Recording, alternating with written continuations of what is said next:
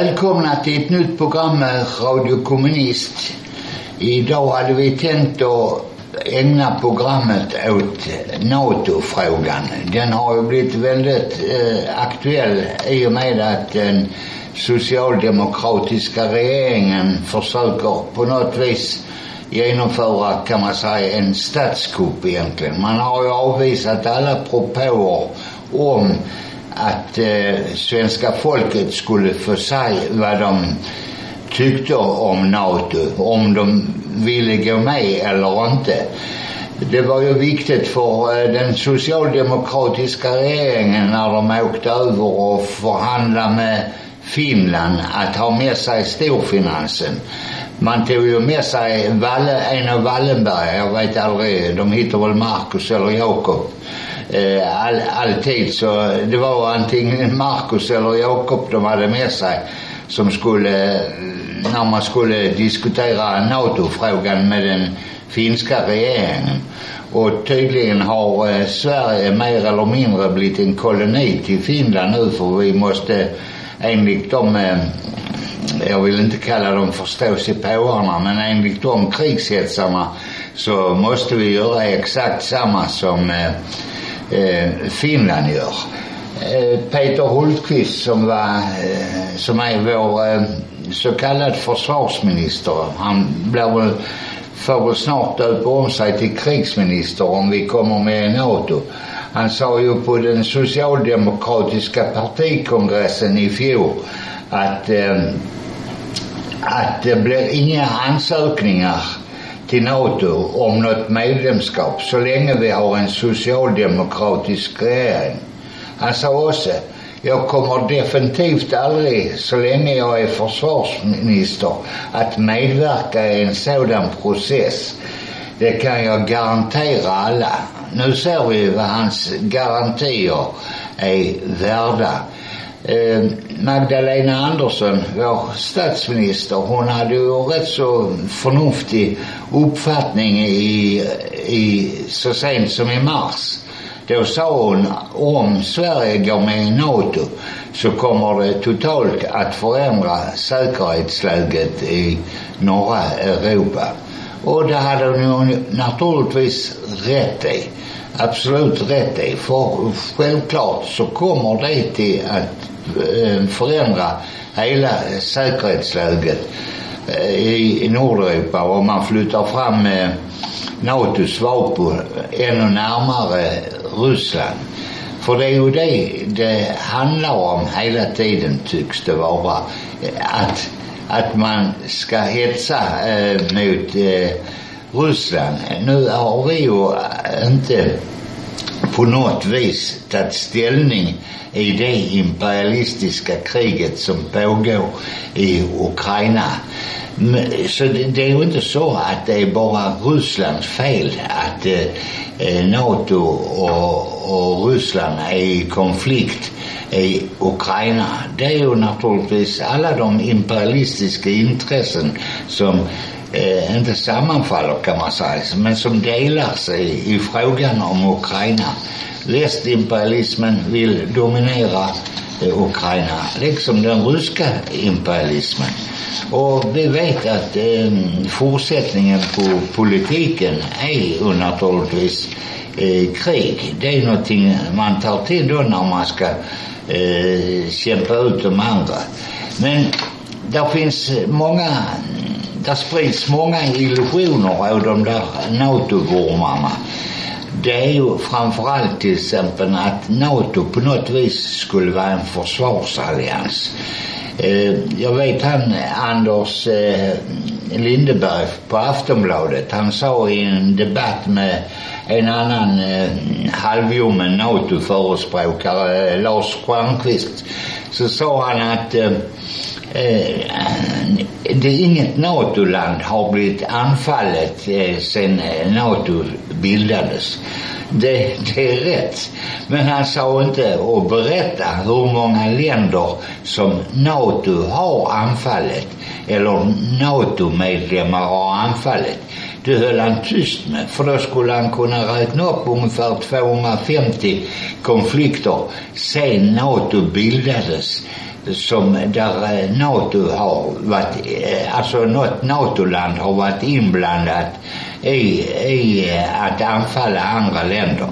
Vi har ju pratat om Jugoslavien och vi har pratat om Irak och eh, Libanon, Lib, Libyen och många andra länder. Och, och, och vi ser ju hur NATO-landet då, Turkiet, nu anfaller delar i norra Irak. Och vi vet ju också till exempel att det uppstod en konflikt mellan NATO-länder i eh, angående Cypern där man delade ett eh, eh fritt och neutralt land mellan ett turkcypriotiskt och ett grekcypriotiskt eh, land där då man skilde medborgarna åt. Så det är inte så att NATO på något vis har bidragit eller gjort att det har blivit mer fred utan tvärtom så är det en krigsallians som om man också kan titta på deras militärutgifter så vet vi ju att eh, de står för i stort sett mer än hälften eller de står för ungefär 70 procent av militärutgifterna i världen. Värst är USA med 800 miljarder dollar. Eh, tvåa är Kina med 270 dollar, eh, miljarder dollar i militärutgifter. Och, och sen på tredje plats tror jag Ryssland... nej det är faktiskt Indien som kommer på tredje plats med 70-80 miljarder dollar. Och sen på fjärde plats eh, kommer nog Ryssland med 70 miljarder dollar. Men sen finns det då i, i Europa och i NATO både Frankrike, England och Tyskland, det är länder som har mellan 50 och 70 miljarder dollar i eh, militärutgifter varje år. Så att eh, att de på något vis eh, skulle, skulle behöva mer upprustning och sånt för att stå emot eh, det ryska hotet. Det är ju bara löjligt egentligen att påstå det. Och när nu Sverige, de ska satsa eh, nu är det inte dollar, det är 1,5 miljarder kronor på att upprusta eh, Gotland.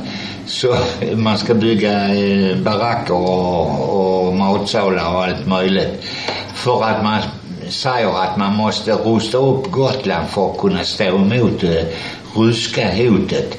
Alltså, där finns inget, alltså det finns egentligen inget ryskt hot mot Sverige om vi inte är med i NATO och sånt. För den stora konflikten den sker ju mellan Ryssland och, och NATO. Utan de två aktörerna så hade det ju inte varit någon konflikt helt enkelt. Och de kan ju aldrig, det kan ju inte Sverige för att Sverige deltar i den konflikten så blir ju inte norra Europa mer fredligt eller eh, på något annat sätt. Nej, det är rätt John. Alltså, man eh, brukar ju alltid säga att NATO är någon typ av försvarsallians. Och, och man brukar säga att ja, innan 1990 hade de aldrig deltagit som en, en organisation i något krig. Och det är sant ju. Men precis som du visar ju John, i, i den bemärkelsen alltså har ju länderna själva deltagit i flera krig. Och 200 gånger 450, ja det är säkert generöst alltså skulle jag vilja säga. Det är säkert fler. Vi har ju andra typer av statskupper och allt sådant som man har faktiskt har varit delaktiga i, i, i sin historia. Om man då bortser från de NATO-länderna och vi sen tittar på resten av världen. Alltså jag är ganska så övertygad att NATO och dess medlemsstater har väl stått för kanske 75-80 procent just av alla konflikter i, i, i grund och botten som har funnits i, i vad heter det, just i, i världen. Så att NATO-länderna i sig själva, även om man skulle gå på den premissen att eh, det är enbart en försvarsallians så är de själva väldigt, väldigt aggressiva i, vet du nu, i, i sitt agerande i utrikespolitiken. Men faktum är också att sedan øh, eh, kontrarevolutionens seger över Sovjetunionen så har faktiskt NATO ändrats i sina stadgar. Det gjorde man precis vid vet du, Jugoslavienkonflikten, Balkankriget. Där var NATO helt enkelt nu säger att man har rätt alltså att gå in i, i princip i, i vilket land man vill där var deras intressen antingen är hotade eller man vill befrämja dem. Så, så att, eh, att påstå då liksom att eh, Ja men att det är en försvarsallians, det, det, det stämmer liksom inte. Det, det är ju bara en massa struntprat egentligen i grund och botten. När man diskuterar Sveriges medlemskap så säger man, så säger ja men alltså länderna måste ändå delta i vad, där finns en solidaritetsklausul och så vidare. Och det enda argumentet man använde mot det här, det var Frankrike och Tysklands icke deltagande i Irakkriget. Men man glömmer bort en viktig sak. Att man, ja det är sant att man inte deltog. Men vad som skedde senare var att man faktiskt deltog senare. För man hade, för NATO, um, det var inte så att man inte deltog utan vad man, vad man gjorde var att man, ehm, precis som FN agerade i frågan om Afghanistan och så vidare. Man sa, man sa nej till kriget i Afghanistan och alltså det, och det var ett aggressionskrig som NATO, och det var NATO där som, som var inblandade i det här. Men sen helt plötsligt så på något vis så godkände ändå FN ockupationen och så därför var man där. Och det, NATO gjorde ett, en liknande grej alltså. Man utbildade deras trupper, man, man skickade en hel del vapen och allt vad det nu var till konflikten. Och där var alla rörande överens om liksom att göra det. Så därför Eh, det, på så vis så deltog ändå till slut Frankrike och Tyskland i kriget eh, mot Afghanistan. De hade inte trupper där men, men de deltog på det viset. Och det kommer givetvis Sverige också göra. Vi har ju sett ju att Sverige har blivit mer aggressivt i sina imperialistiska aspirationer. Det är ju inte så att, jag vet inte varför de hela tiden skriver att Sverige har inte varit deltagit i ett krig på 200 men man har deltagit ju. Och i realiteten har man faktiskt deltagit tidigare, till exempel i Cypernkonflikten genom, genom FN där man faktiskt var med och skickade FN-soldater dit. Så på sätt och vis har man ändå deltagit i, i en konflikt. Det är inte så att man inte har gjort det. Eh, jag hade till och med en lärare i grundskolan som var FN-soldater.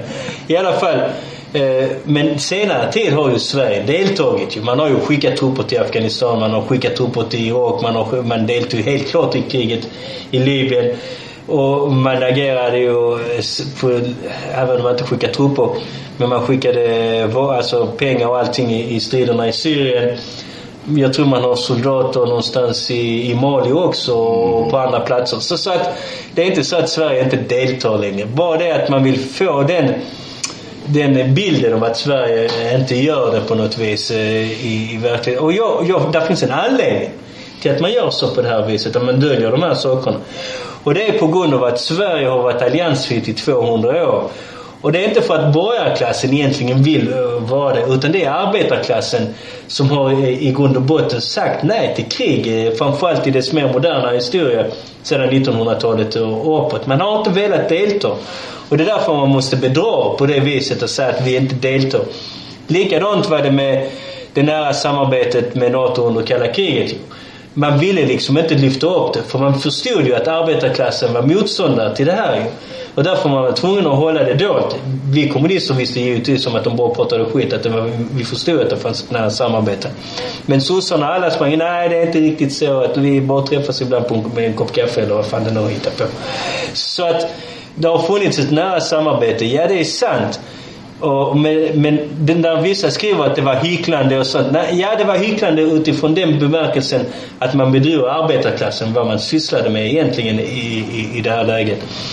Så att Sverige har alltid varit rätt nära samarbete egentligen i grund och botten med NATO. Men de har ju inte tillåtits gå med för arbetarklassen har inte tillåtit det. Nu, nu vill jag säga en grej och jag säger så här till er som är nya lyssnare och till er som hatar Radio Kommunist som ändå lyssnar på det lite emellanåt.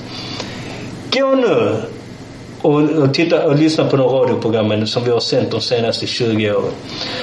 Och jag uppmanar er att hitta ett enda fel som vi har haft i en stor fråga.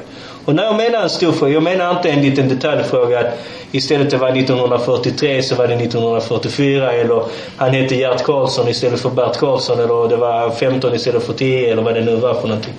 Utan jag menar en, ett avgörande där vi helt klart har haft fel i, i en stor fråga. Och ni kommer att hitta att vi inte har haft ett enda fel i, i de här.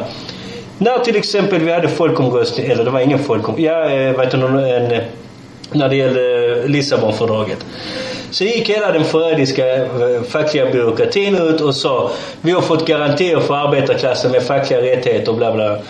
Och då satt jag och Jan på Radio Kommunist och, och vi tittade i, i, vet du, i fördragstexten och sa men här finns inga garantier överhuvudtaget. Och sen när den här man hade trumfat igenom det, vad gjorde den fackliga byråkratin? Ah, titta, där fanns inga rättigheter eh, för facket och så vidare. När det gäller frågan om inga eh, vinster i välfärden, som var en stor fråga här i Sverige. Så sa Jan och jag på Radio Kommunist, och vi var det första partiet säkert i hela Sverige som sa att det där är en bluffkampanj egentligen. För det är inte så sakerna fungerar. Det är väldigt många riskkapitalbolag som inte har någon vinst, deklarerar någon vinst överhuvudtaget. Utan vad de gör, de lånar pengar från eh, vet det, för sånt eh, bolag eh, och dotterbolaget har sen har en skuld som de betalar av. Så därför registreras det inte som en vinst. Så allt den här diskussionen om vinsten är bara rent nonsens. Utan det är en kompromiss egentligen med riskkapitalet för att folk är förbannade. Vill man komma till rätta med det här så måste man, precis som vi sa, komma till rätta med skolpengen i sig själv. Inte liksom vinsten i, i den bemärkelsen. Och nu har det visat sig att vi har rätt. Frågan om NATO.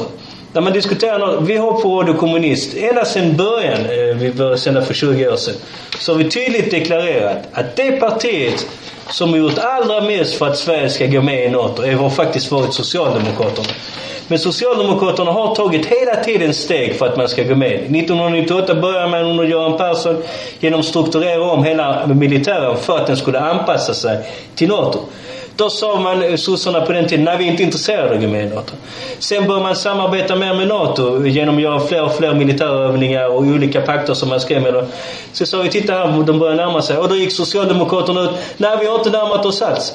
Sen kom värld, eh, värdlandsavtalet och så sa vi här på Radio Kommunist att detta är sista steget för att man ska gå med i NATO. Och vad sa de biffjörnarna då? Nej, vi, har inte, vi är inte intresserade av att gå med i NATO eller något sådant.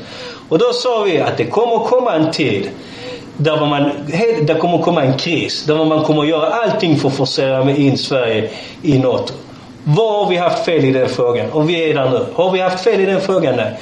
Och i samband med det här har vi också sagt att alla klassförrädare kommer att visa sitt rätta ansikte i det här läget. Människor som till exempel Daniel Suhonen och sånt. Och så ringer folk in till oss och skriver brev till oss. Är ni taskiga mot Daniel? Han är inte alls sån. Han är vår och allt vad det nu är. Och titta nu vad han har gjort. Han har gått ut och sagt att jag, ställer, jag stödjer NATO och han deklarerar sina ställningstaganden korrekt. Hade vi inte rätt i den här frågan eller eh, hade vi fel i den? Och då ställer man sig frågan, hur kunde vi ha rätt i den här frågan? Är det så att Jan och jag har någon kristallkula som vi tittar i och, och på något sätt får rätt i det? Nej, givetvis inte. Utan vad vi har tillgång till, det är det mäktigaste vapen som arbetarklassen har. Det vill säga den vetenskapliga socialismen. Den förklarar för oss hur världen fungerar. Men vi har också en, en historisk bakgrund och en kunskap om, om klasskampen, inte bara i Sverige och Europa utan globalt också. Därför kan vi dra vissa generella slutsatser om vad som kommer att ske i vissa lägen. Så det är inga kristallkulor eller någonting i den stilen. Och det är just därför man inte kan bedra oss på det här viset. Vi vet redan vad de ska göra för någonting. Vi vet ungefär hur de kommer att agera. Och det är just därför vi på Radio Kommunist när det gäller NATO-frågan redan flera år sedan sa till lyssnarna att ni måste vara beredda på det här. Ni måste inte låta oss bedras i den här frågan. Ni måste organisera er. För det kommer komma den här tiden när man kommer att pressa igenom det. Och nu är vi här helt enkelt. Ja, alltså det finns ju många eh, sätt att bevisa det på och vi har gjort det på många sätt också. Men till exempel när man ställde trupper till förfogande, alltså den eh, som skedde då 11 december, September. eh, september eh, var det 1900, 2003. 2003 ja. Nej, 2001. 2001 ja. Alltså då uppfattar USA det som alltså en eh, eh, ett anfall mot NATO, ett NATO-land. Och det var därför alla skulle hjälpas åt mot Afghanistan. Alltså av världens ockupera- fattigaste länder. Ja, så ockupera. Och Sverige ställde upp därför att ISAF-styrkorna, där Sverige ingick, de stod under direkt befäl av NATO. Det var inte så att Sverige skickade dit några för att rädda kvinnorna från att gå i skola eller något annat. Utan de gick ut, gick in för att eh, förstärka de imperialistiska makten över Afghanistan. Nu lyckades man kanske inte så väl att göra det därför att de fick lämna tillbaka makten igen till talibanerna som nu har makten och förmodligen står starkare idag än vad de gjorde innan USA och NATO satte igång sitt anfallskrig mot Afghanistan. Så där finns alltså många sätt och, och inte många sätt, det finns bara ett sätt som är det riktiga och det är ju naturligtvis att vi måste bekämpa NATO. Alla måste bidra till och eh, se till så att debatten om NATO kommer in på ett riktigt spår. Det är inte så att man kan eh, bara på grund av Ukraina-kriget ger oss en anledning att gå in i, i NATO. Därför att vårt NATO-medlemskap kommer till att vara förmodligen längre än vad eh, Ukraina-kriget eh, varar, får vi hoppas. Vi hoppas ju naturligtvis att eh, det tar slut så snart som möjligt. För de som lider mest är ju naturligtvis den ryska och den ukrainska arbetarklassen.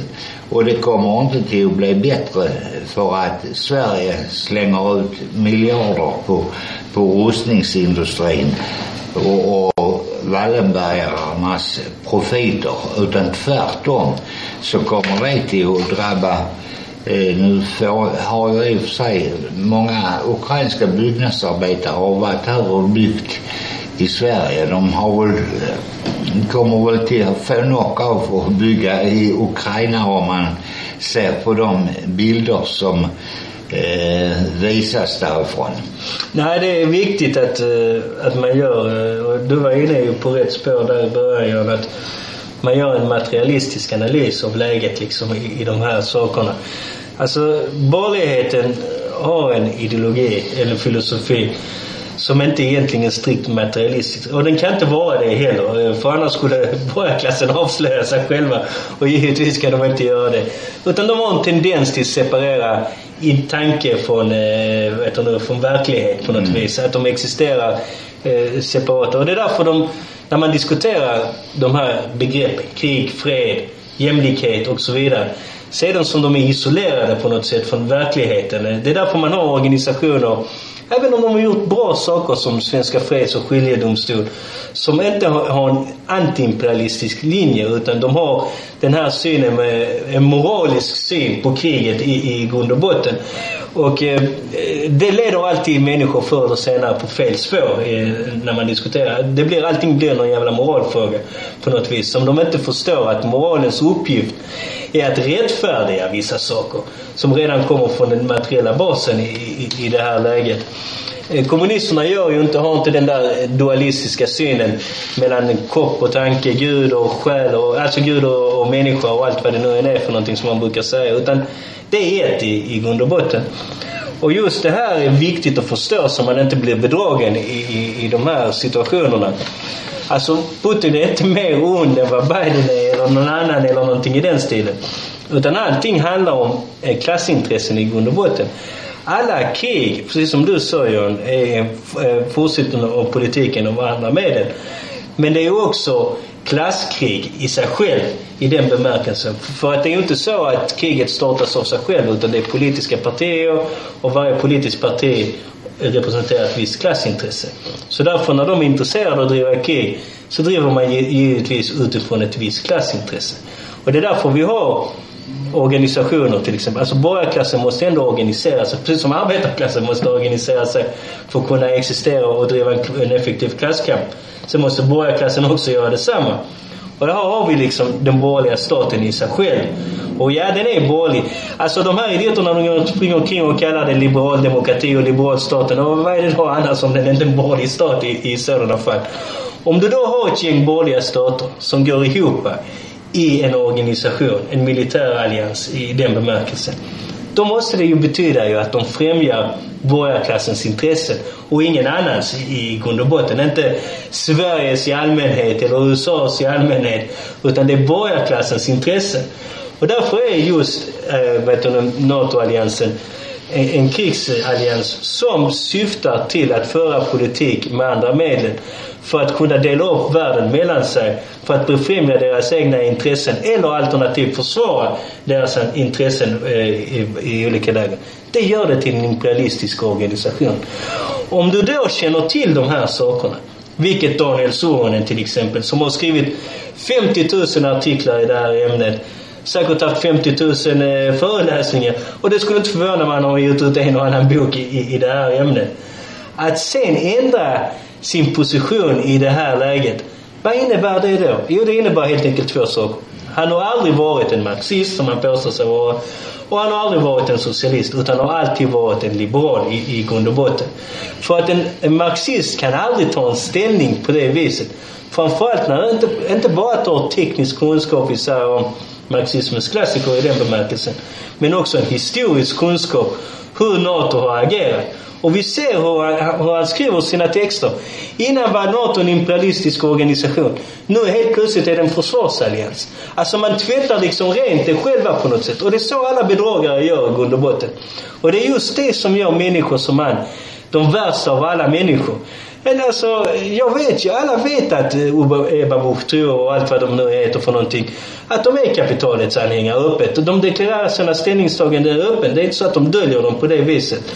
Men sådana människor som Sonen, hans sanningar ligger väldigt nära vad heter nu, arbetarklassens intressen. Så därför när arbetarklassen, den radikala arbetaren, tycker ja, han, Daniel han skriver rätt bra saker det är intressant och allt vad det nu än är för någonting. Men helt plötsligt, när kapitalet kräver det av honom, så ändrar han ställningstagande. Vad gör de många goda, sunda arbetare? De tvivlar själva på sina egna ställningstaganden.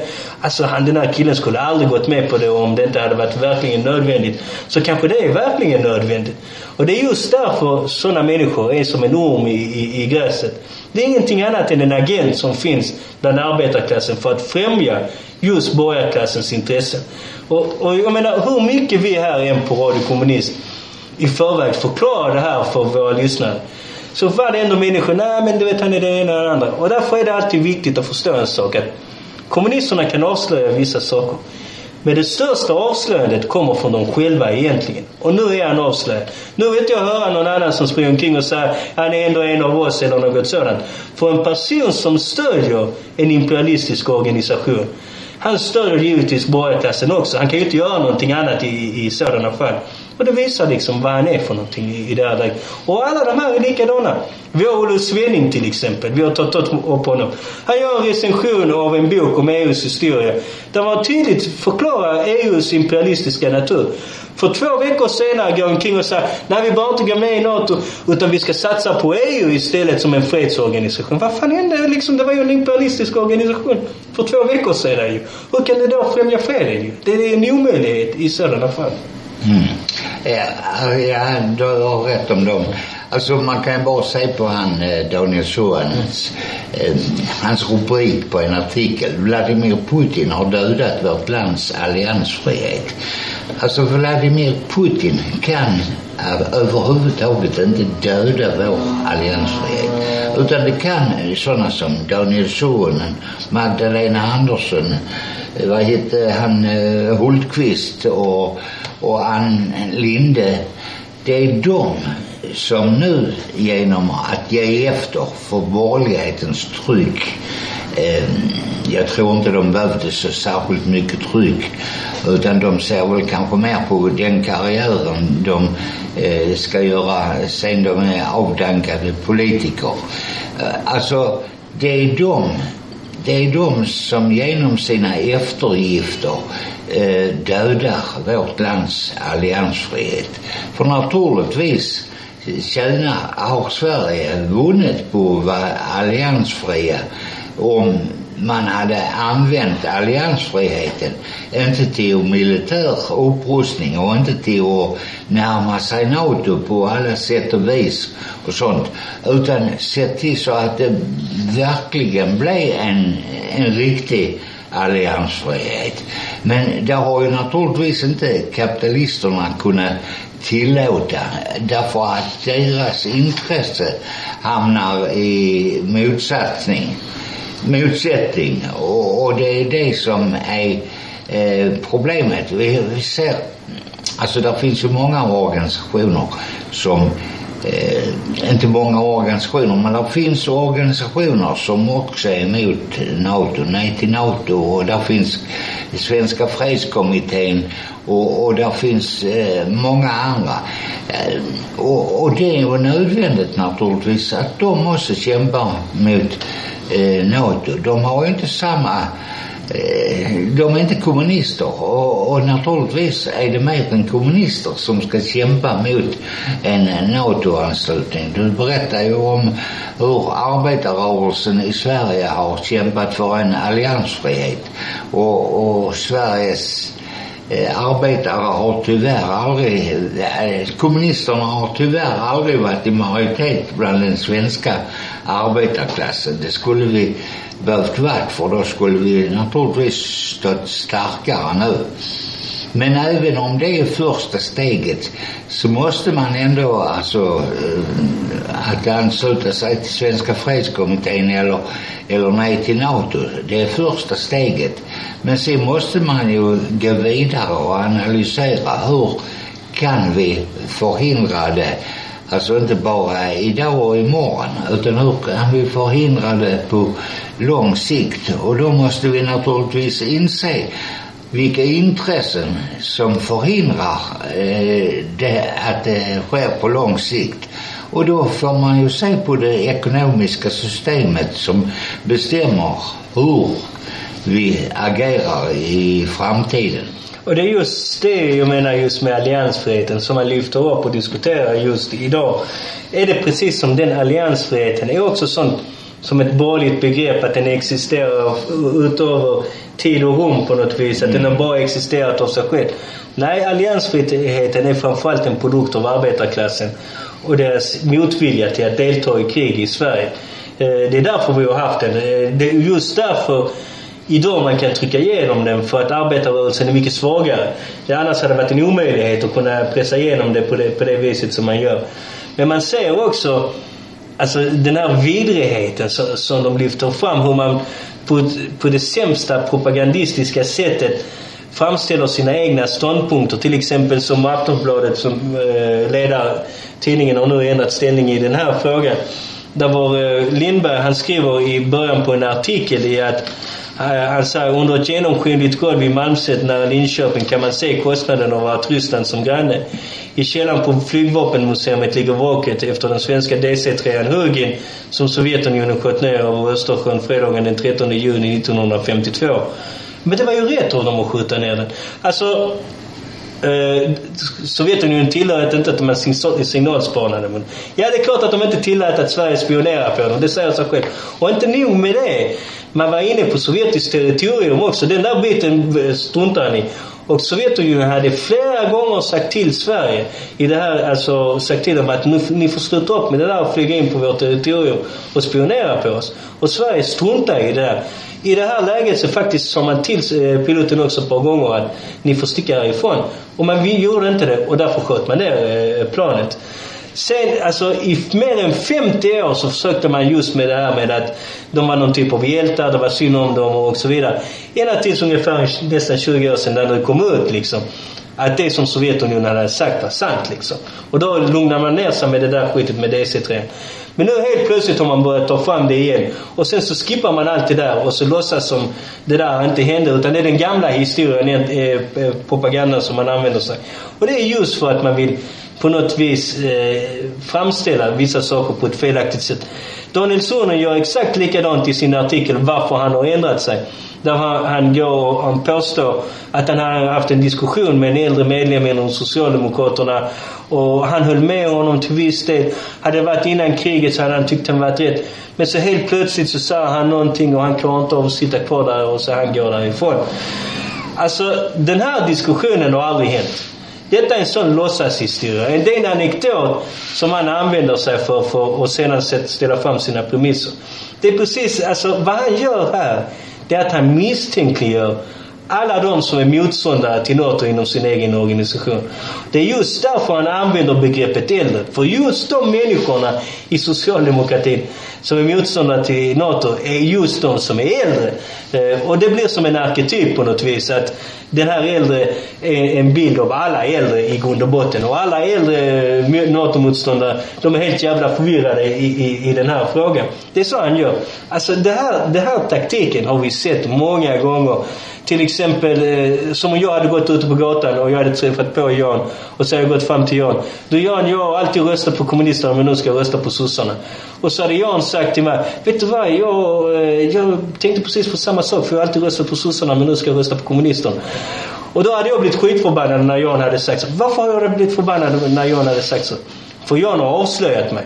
Han har avslöjat mig och han vet om att den här jäveln har alltid röstat på sossarna. Han bara snackar skit egentligen. Det är därför jag blir indignerad. Och det är just därför, det är samma skithistoria som han berättar. Det där har aldrig hänt. Liknande diskussioner har kunnat ha varit. Men det är en anekdot för att misstänkliggöra folk i, i grund och botten som är motståndare till NATO. Det är samma som vi ser nu med de som är motståndare till att ha en folkomröstning i den här frågan. Som går ut och säger nej vi kan inte ha en folkomröstning för i så fall kommer Ryssland påverka den här folkomröstningen i sådana fall. Och vi vet aldrig vad det slutar. Vad de egentligen säger är att alla NATO-motståndare i det här läget är agenter för Putin och de får betalt eller vad, vad det nu än är för någonting. Så det är ett jävla svineri egentligen att agera så på det där viset. Ja, och Sveriges medlemsk eventuella medlemskap, jag hoppas ju fortfarande att vi ska kunna avvärja det och det är ju naturligtvis det enda som kan göra det. Det Vi får aldrig ha en defaiti, eh, defaitistisk Nej, det, det måste vi förhindra den statskupp som, eh, som man försöker eh, planera till då i, i Mitten på maj. juni. i Men mitt- mitten på maj till och med. Först var det, Jag först sa att de- betänkandet skulle vara slut i slutet på maj. Men nu är det mitten. på maj. Ja, men ansökan ska de lämna in till ett möte Ja. i juni tror jag det var eller någonting då. Och då, då, då är Sverige, ska Sverige vara med som eventuellt eh, Finlands eh, nya koloni. Eftersom vi måste göra precis som eh, Finland gör så måste Sverige göra.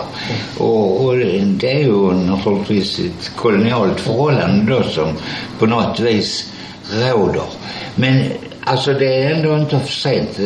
Det- är aldrig för sent utan vi, vi måste naturligtvis kämpa fram till the bitter end. eh, Om, mot det NATO-medlemskapet. Och, och då eh, finns det all anledning att, att kräva att vi får en folkomröstning helt enkelt. För det är ju inte så som, eh, som de påstår, eh, vad heter hon, eh, Ann Linde och andra, att eh, hon säger att det skulle bli ett smashläge för desinformation från eh, Ryssland. Och det, det, det, det är ju som de vill påstå att de inte desinformerar.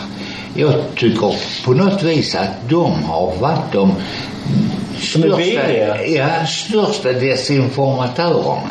Man har stängt av alla ryska kanaler. Det tål inte eh, svenska folket att höra på eh, den, den, eh, den uppfattningen därför att det är bara rysk propaganda.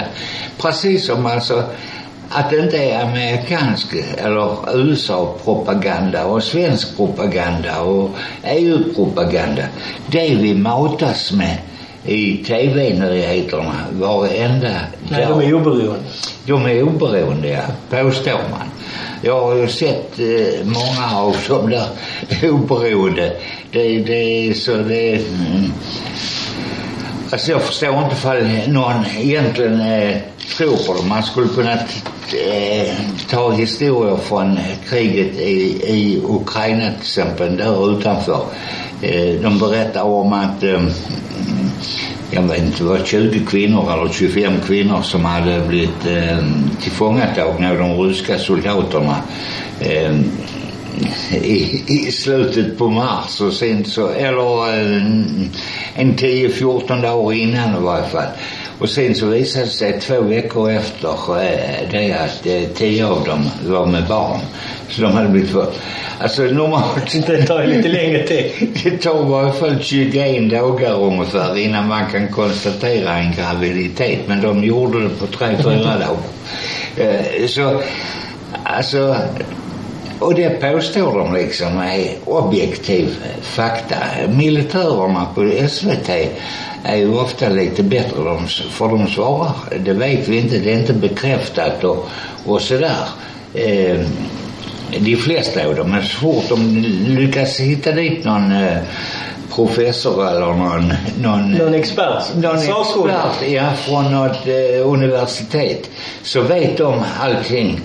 Eh, för dem är allting bekräftat. Det är ju naturligtvis, om man hämtar all des, desinformationen från USA och deras eh, säkerhetstjänster och sånt så är det ju naturligtvis, eh, det är den de för ut och kolporterar ut till svenska folket. Och, och, och det vill de att eh, svenskarna ska lita på. Ja, men det märks ju också att det är ju till och med vissa som... De, de säger inte det helt öppet och så men det finns vissa skribenter som har ändå lyft upp den här frågan lite. Där man säger att alltså i Sverige är det uppenbarligen någon typ av eh, konsensus vad man får säga. Medan i andra länder så diskuterar man faktiskt vissa av de här frågorna. Hur stort är det fascistiska inflytandet till exempel i Ukraina? Vad händer när vi ger dem vapen? Vad kan hända senare? Hur stor är desinformationen från dem själva? Liksom? Och så vidare. Det har varit en diskussion i Frankrike och Storbritannien. Alltså det är flera till. Och det är inte så att det är kommunistblaskor eller nynazistblaskor som tar upp det utan vi pratar om de stora tidningsdrakarna här som vi pratar om Times och Washington Post och allt det här till exempel som tar upp de här sakerna. Lyft upp dem och tydligt förklarar till exempel att kriget i Ukraina egentligen inte en konflikt så mycket mellan eh, Ryssland och Ukraina utan snarare mer en konflikt mellan USA och Ryssland i, i grund och botten. Det är en form av proxy war i, i grund och botten i det här läget. Och eh, de har själva haft eh, både journalister och politiker som har sagt de här sakerna. Det är ju inte så att vi bara säger men skulle du våga säga en sån här sak i, i, i svensk massmedia? Vi såg ju vad som hände med Kajsa Ekis Ekman. Inte för att hon är någon jävla favorit eller något sådant. Men hon sablades ju ner. Hon fick ju sparken från tidningen ETC och allt vad det nu är för någonting. Alltså det gick ju jättefort ju i, i den här eh, diskus diskussionen.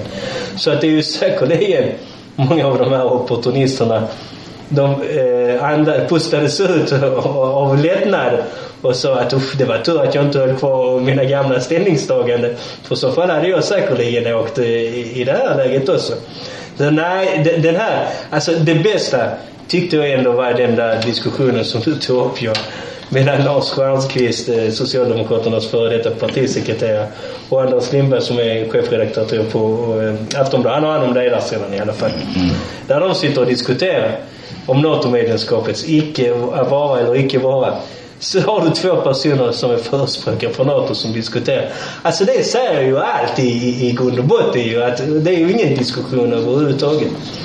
Men det är jag som irriterar mig också.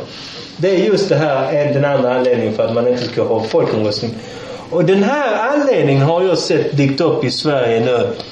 Ja, runt eh, lite efter jag blev partimedlem själv, ungefär 15-16 år sedan. Jag har varit med i partiet länge. Men det är just det här att människor förstår inte frågan.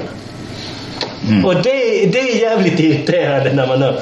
Då har man inte professorer som säger nej men det är inte en fråga som bara ja och nej utan det är en väldigt komplex fråga.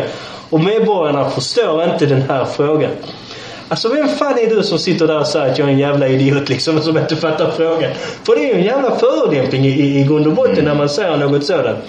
Och det jag alltid kommer ihåg i det här, det, det handlar just om Lissabonfördraget. Där man gick ut och sa samma sak liksom. Vi ska inte folkomrösta för det är alldeles för komplicerat för den vanliga medborgaren att förstå det. Och då gick, jag tror det var Sveriges Radio eller vem det nu var som gick till eh, efter när man hade haft en diskussion i, i parlamentet. Och så ställde de en två, tre, fyra frågor till dem om Lissabonfördraget. Och ingen kunde svara på de frågorna.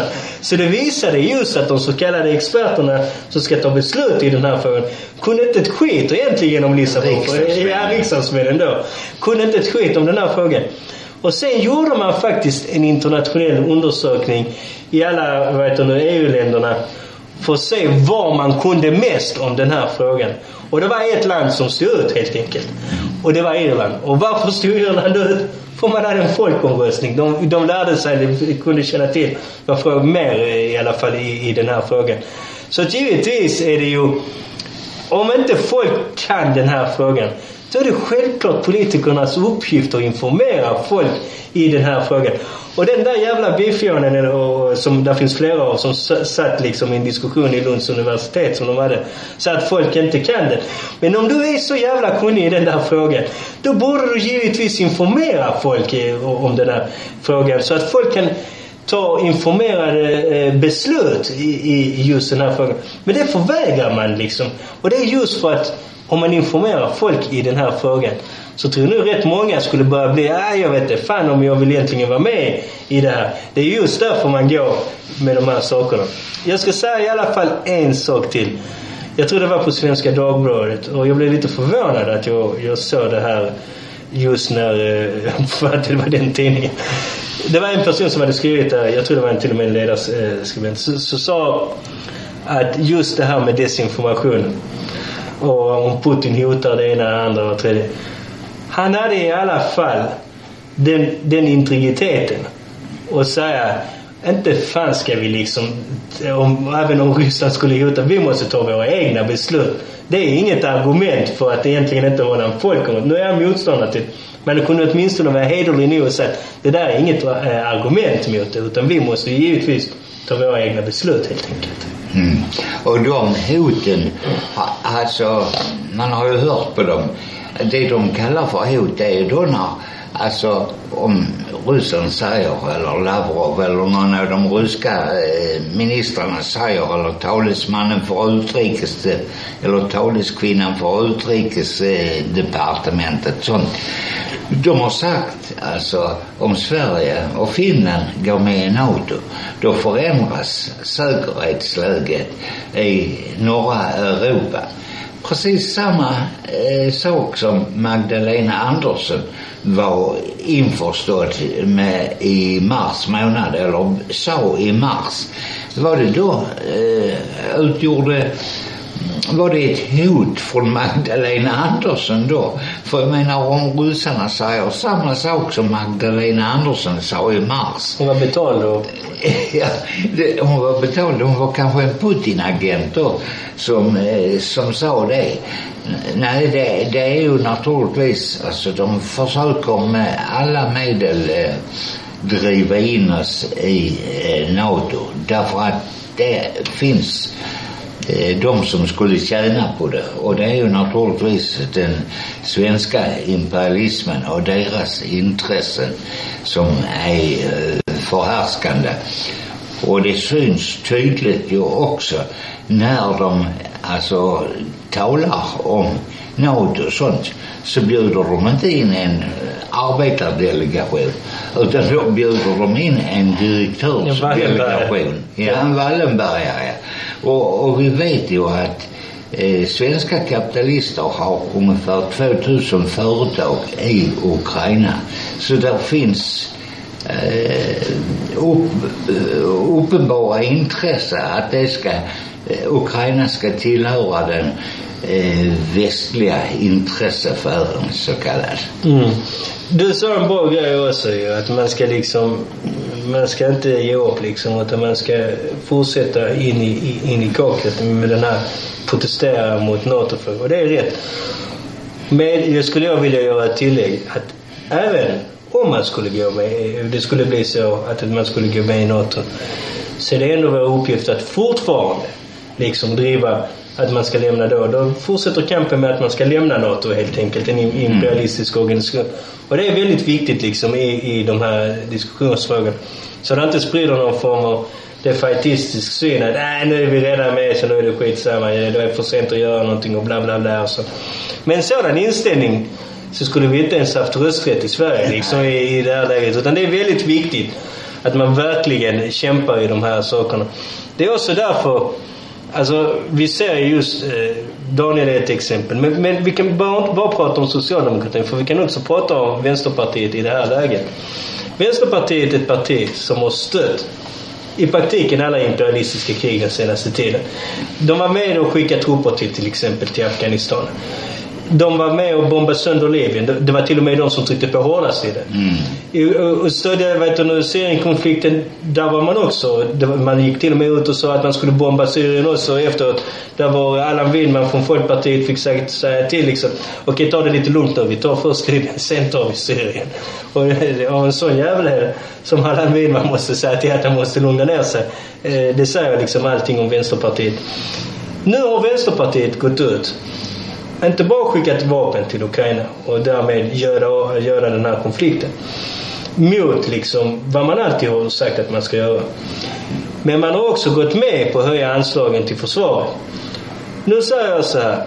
Tror ni verkligen att Nooshi Dadgostar och hela partistyrelsen är så till den graden urbota korkade att de inte förstår att när man höjer anslagen till, på det viset till eh, runt två och lite till procent syftar till att man ska gå med i NATO.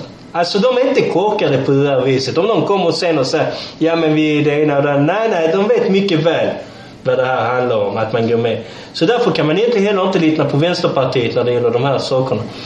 Om nu Vänsterpartiet är så angelägna till att hålla en folkomröstning, varför är inte deras koder ute på gator och torg och delar ut flygblad? Vår är, eh, men deras är inte. uppenbart. Nej, de är, det det är ett litet parti, vi så vi kan inte göra det ena och det andra. De kan aldrig göra någonting vad det verkar som, uppenbarligen. Så det visar liksom också deras stöd till imperialismen i, i grund och botten. Och det betyder också att det är ett borgerligt parti och ingenting annat. Därför kan man inte, som till exempel de trotskistiska organisationerna som är med i Vänsterpartiet och alla andra, som springer omkring och säger Ja men vi är med för att påverka på något vis. Du är med i en borgerlig organisation. Ta till exempel organisationen EMT som emellanåt skriver bra artiklar. De skriver en väldigt hård kritik mot Vänsterpartiet varje gång det här händer. Ja, de ger sitt stöd till imperialismen och så vidare. Men ändå så ska man vara med i Vänsterpartiet. Alltså, inser du inte själv att när du gör på det där viset så ger du ett stöd till imperialismen själva liksom. Indirekt. Vad är skillnaden mellan, dem och Daniel Suhonen? Det finns ingen skillnad egentligen. De är alla klassförrädare i slut, i, i, till slut i grund och botten. Vare sig de är medvetna eller omedvetna om de här sakerna. Det är därför man ska inte stödja någon av de där organisationerna. Utan man ska stödja arbetarklassens intressen. Och den manifesteras just genom Sveriges kommunistiska parti. Mm. Ja, just det med stödja militärindustrin och annat. Alltså i förra året så satsade man 2113 miljarder på eh, militärindustrin. 2113 miljarder eh, dollar. Samtidigt som människor dog på grund av brist på vatten, brist på vaccin, svälte ihjäl och undernäring och allting, allt möjligt. Alltså jag är övertygad om att egentligen 10 procent av de militärutgifterna skulle eliminera många av de problemen. För om man ser eh, de eh, hjälporganisationer som titt och tätt eh, tigger pengar. De skulle naturligtvis kräva att de 2113 miljarder dollarna minst eh, 50 procent, vill jag säga, skulle gå till humanitär hjälp till, till människor runt om i, i Sverige. Så om Sverige nu har, använder 1,2 procent i militärbudgeten Men det ska upp till två. den ska upp till två nu. Men 1,2 procent är faktiskt redan det alldeles för mycket. Utan tvärtom så måste man satsa på nedrustning och, och inte genom att gå med i, i krigsallianser och skicka nu, alltså vad man gör också där när man eh, lyfter fram medlemskapet i NATO. Alltså vi har berättat ju om hur NATO har utnyttjats runt om i världen för anfallskrig. Det innebär alltså att framtida generationers eh, ättlingar, eller ett, våra ättlingar i framtiden kommer att skickas ut som kanonmat till eh, och slåss för Wallenberg och andra imperialisters intressen. Och det är det som är det viktiga att förstå i det här. Det handlar inte om någon form av nationellt självförsvar. Utan det nationella självförsvaret bygger på vem som har makten i, i det respektive samhället. Är det borgarklassen eller är det arbetarklassen? Vi vet om att det är borgarklassen som har makten. Det finns inte en enda jävla korkad, alltså hur korkad du är som arbetare som inte förstår det här ändå på något vis. De vet om att det är borgarklassen, eller rättare sagt det är de rika som de brukar säga, som har liksom makten i Sverige. Det innebär ju givetvis att den militären är ett verktyg för de som har makten och ingenting annat. Och jag kommer ihåg det här, det var lite roligt du sa Johan en gång för flera år sedan. Det var precis i samband när man stängde ner den däckfabriken i Gislaved. Och så diskuterade man att man skulle öka anslagen till militären och sånt. Så sa du, alltså det är ju inte så att man ska skicka dit militären med gevären och säga till fabrikören att nu jävlar är det stannar du kvar här annars peppar vi ner dig. Utan det är snarare tvärtom. Om de här arbetarna mopsar upp sig och börjar kopiera grejer, då bör man istället skjuta på arbetarna. Det är så det fungerar. Alltså vi säger så här alltid. Alltså vi är inga bedragare på det viset. Utan vad vi säger är att vi inte förespråkar för imperialistiska krig. Det betyder inte att vi inte stödjer revolutionära krig där arbetarklassen tar makten eller befrielsekrig e-, eller sådana saker. Men imperialistiska krig som bara gynnar en liten, liten minoritet så att de kan profitera. För det är inte deras jävla barn som springer omkring och, och, och ska skjuta på någon. Utan de sitter lugnt där hemma. Och skulle det till och med vara en sån situation där var en allmän inkallelse skulle de har säkert en väldigt, väldigt lunt, stor lunta med sjukdomshistorik så de inte behöver åka någonstans. Det har vi sett tidigare liksom i, i historien. Eller så är de experter någonstans. Ja, det är det som inte, man kan inte avvara dem heller. Så, så att det blir givetvis arbete. Och vi ser det här. Det är ett väldigt bra exempel när man ser på den amerikanska militären. Där var de flesta människor här, överväldigande, är just de som kommer från fattiga områden. De går med i militären för att de inte har jobb och allt det. Men det är till och med så att många av dem går med för att de ska kunna få råd att studera sen för att militären betalar eh, studierna sen efter på universitetsstudier kan göra det emellanåt. Så det är därför de har gått med. Och det visar också klassammansättningen i, i själva militären också ju. Att vem är det som blir nedskjuten? Ja, det är arbetarklassen i grund och botten. Det är också den dimensionen man måste alltid tänka på när det gäller Det är just därför vi säger nej till NATO och vi är inte intresserade av några imperialistiska krig. Och därför ska man också delta var någonstans ska. På första maj på Triangeln klockan 12 här i Malmö. Där får du höra mer om det. Men jag skulle vilja säga en sak eh, till. Och, och det, därför att det har också varit aktuellt nu senaste tiden. Ebba Busch Thor, alltså KDs partiordförande. Hon borde man ju naturligtvis kunna skicka till någon imperialistisk krigshärd. För hon ville ju gärna skjuta mer. Och, och då eh, skulle hon passa bra där. Nej, på Triangeln klockan 12 för första maj. Då får ni höra mer om kommunisternas politik. Med det så säger vi tack och gör och ha en trevlig helg. Framåt kamrater, till uppror manar vår röda fana, vår röda fana. Framåt kamrater, till uppror manar vår röda Röda fana som segern ger. Röda fanan ska mot seger gå. Röda fanan den ska segern nå. Röda fanan ska mot seger gå. Leve socialismen, leve friheten. För alla utsugna stora skara ska röda fanan signalen vara militärer, stå upp och kämpa. Vår röda fana ska seger ge. Röda fanan ska mot seger gå. Röda fanan den ska seger nå. Röda fanan ska mot seger gå. Leve socialismen, leve friheten.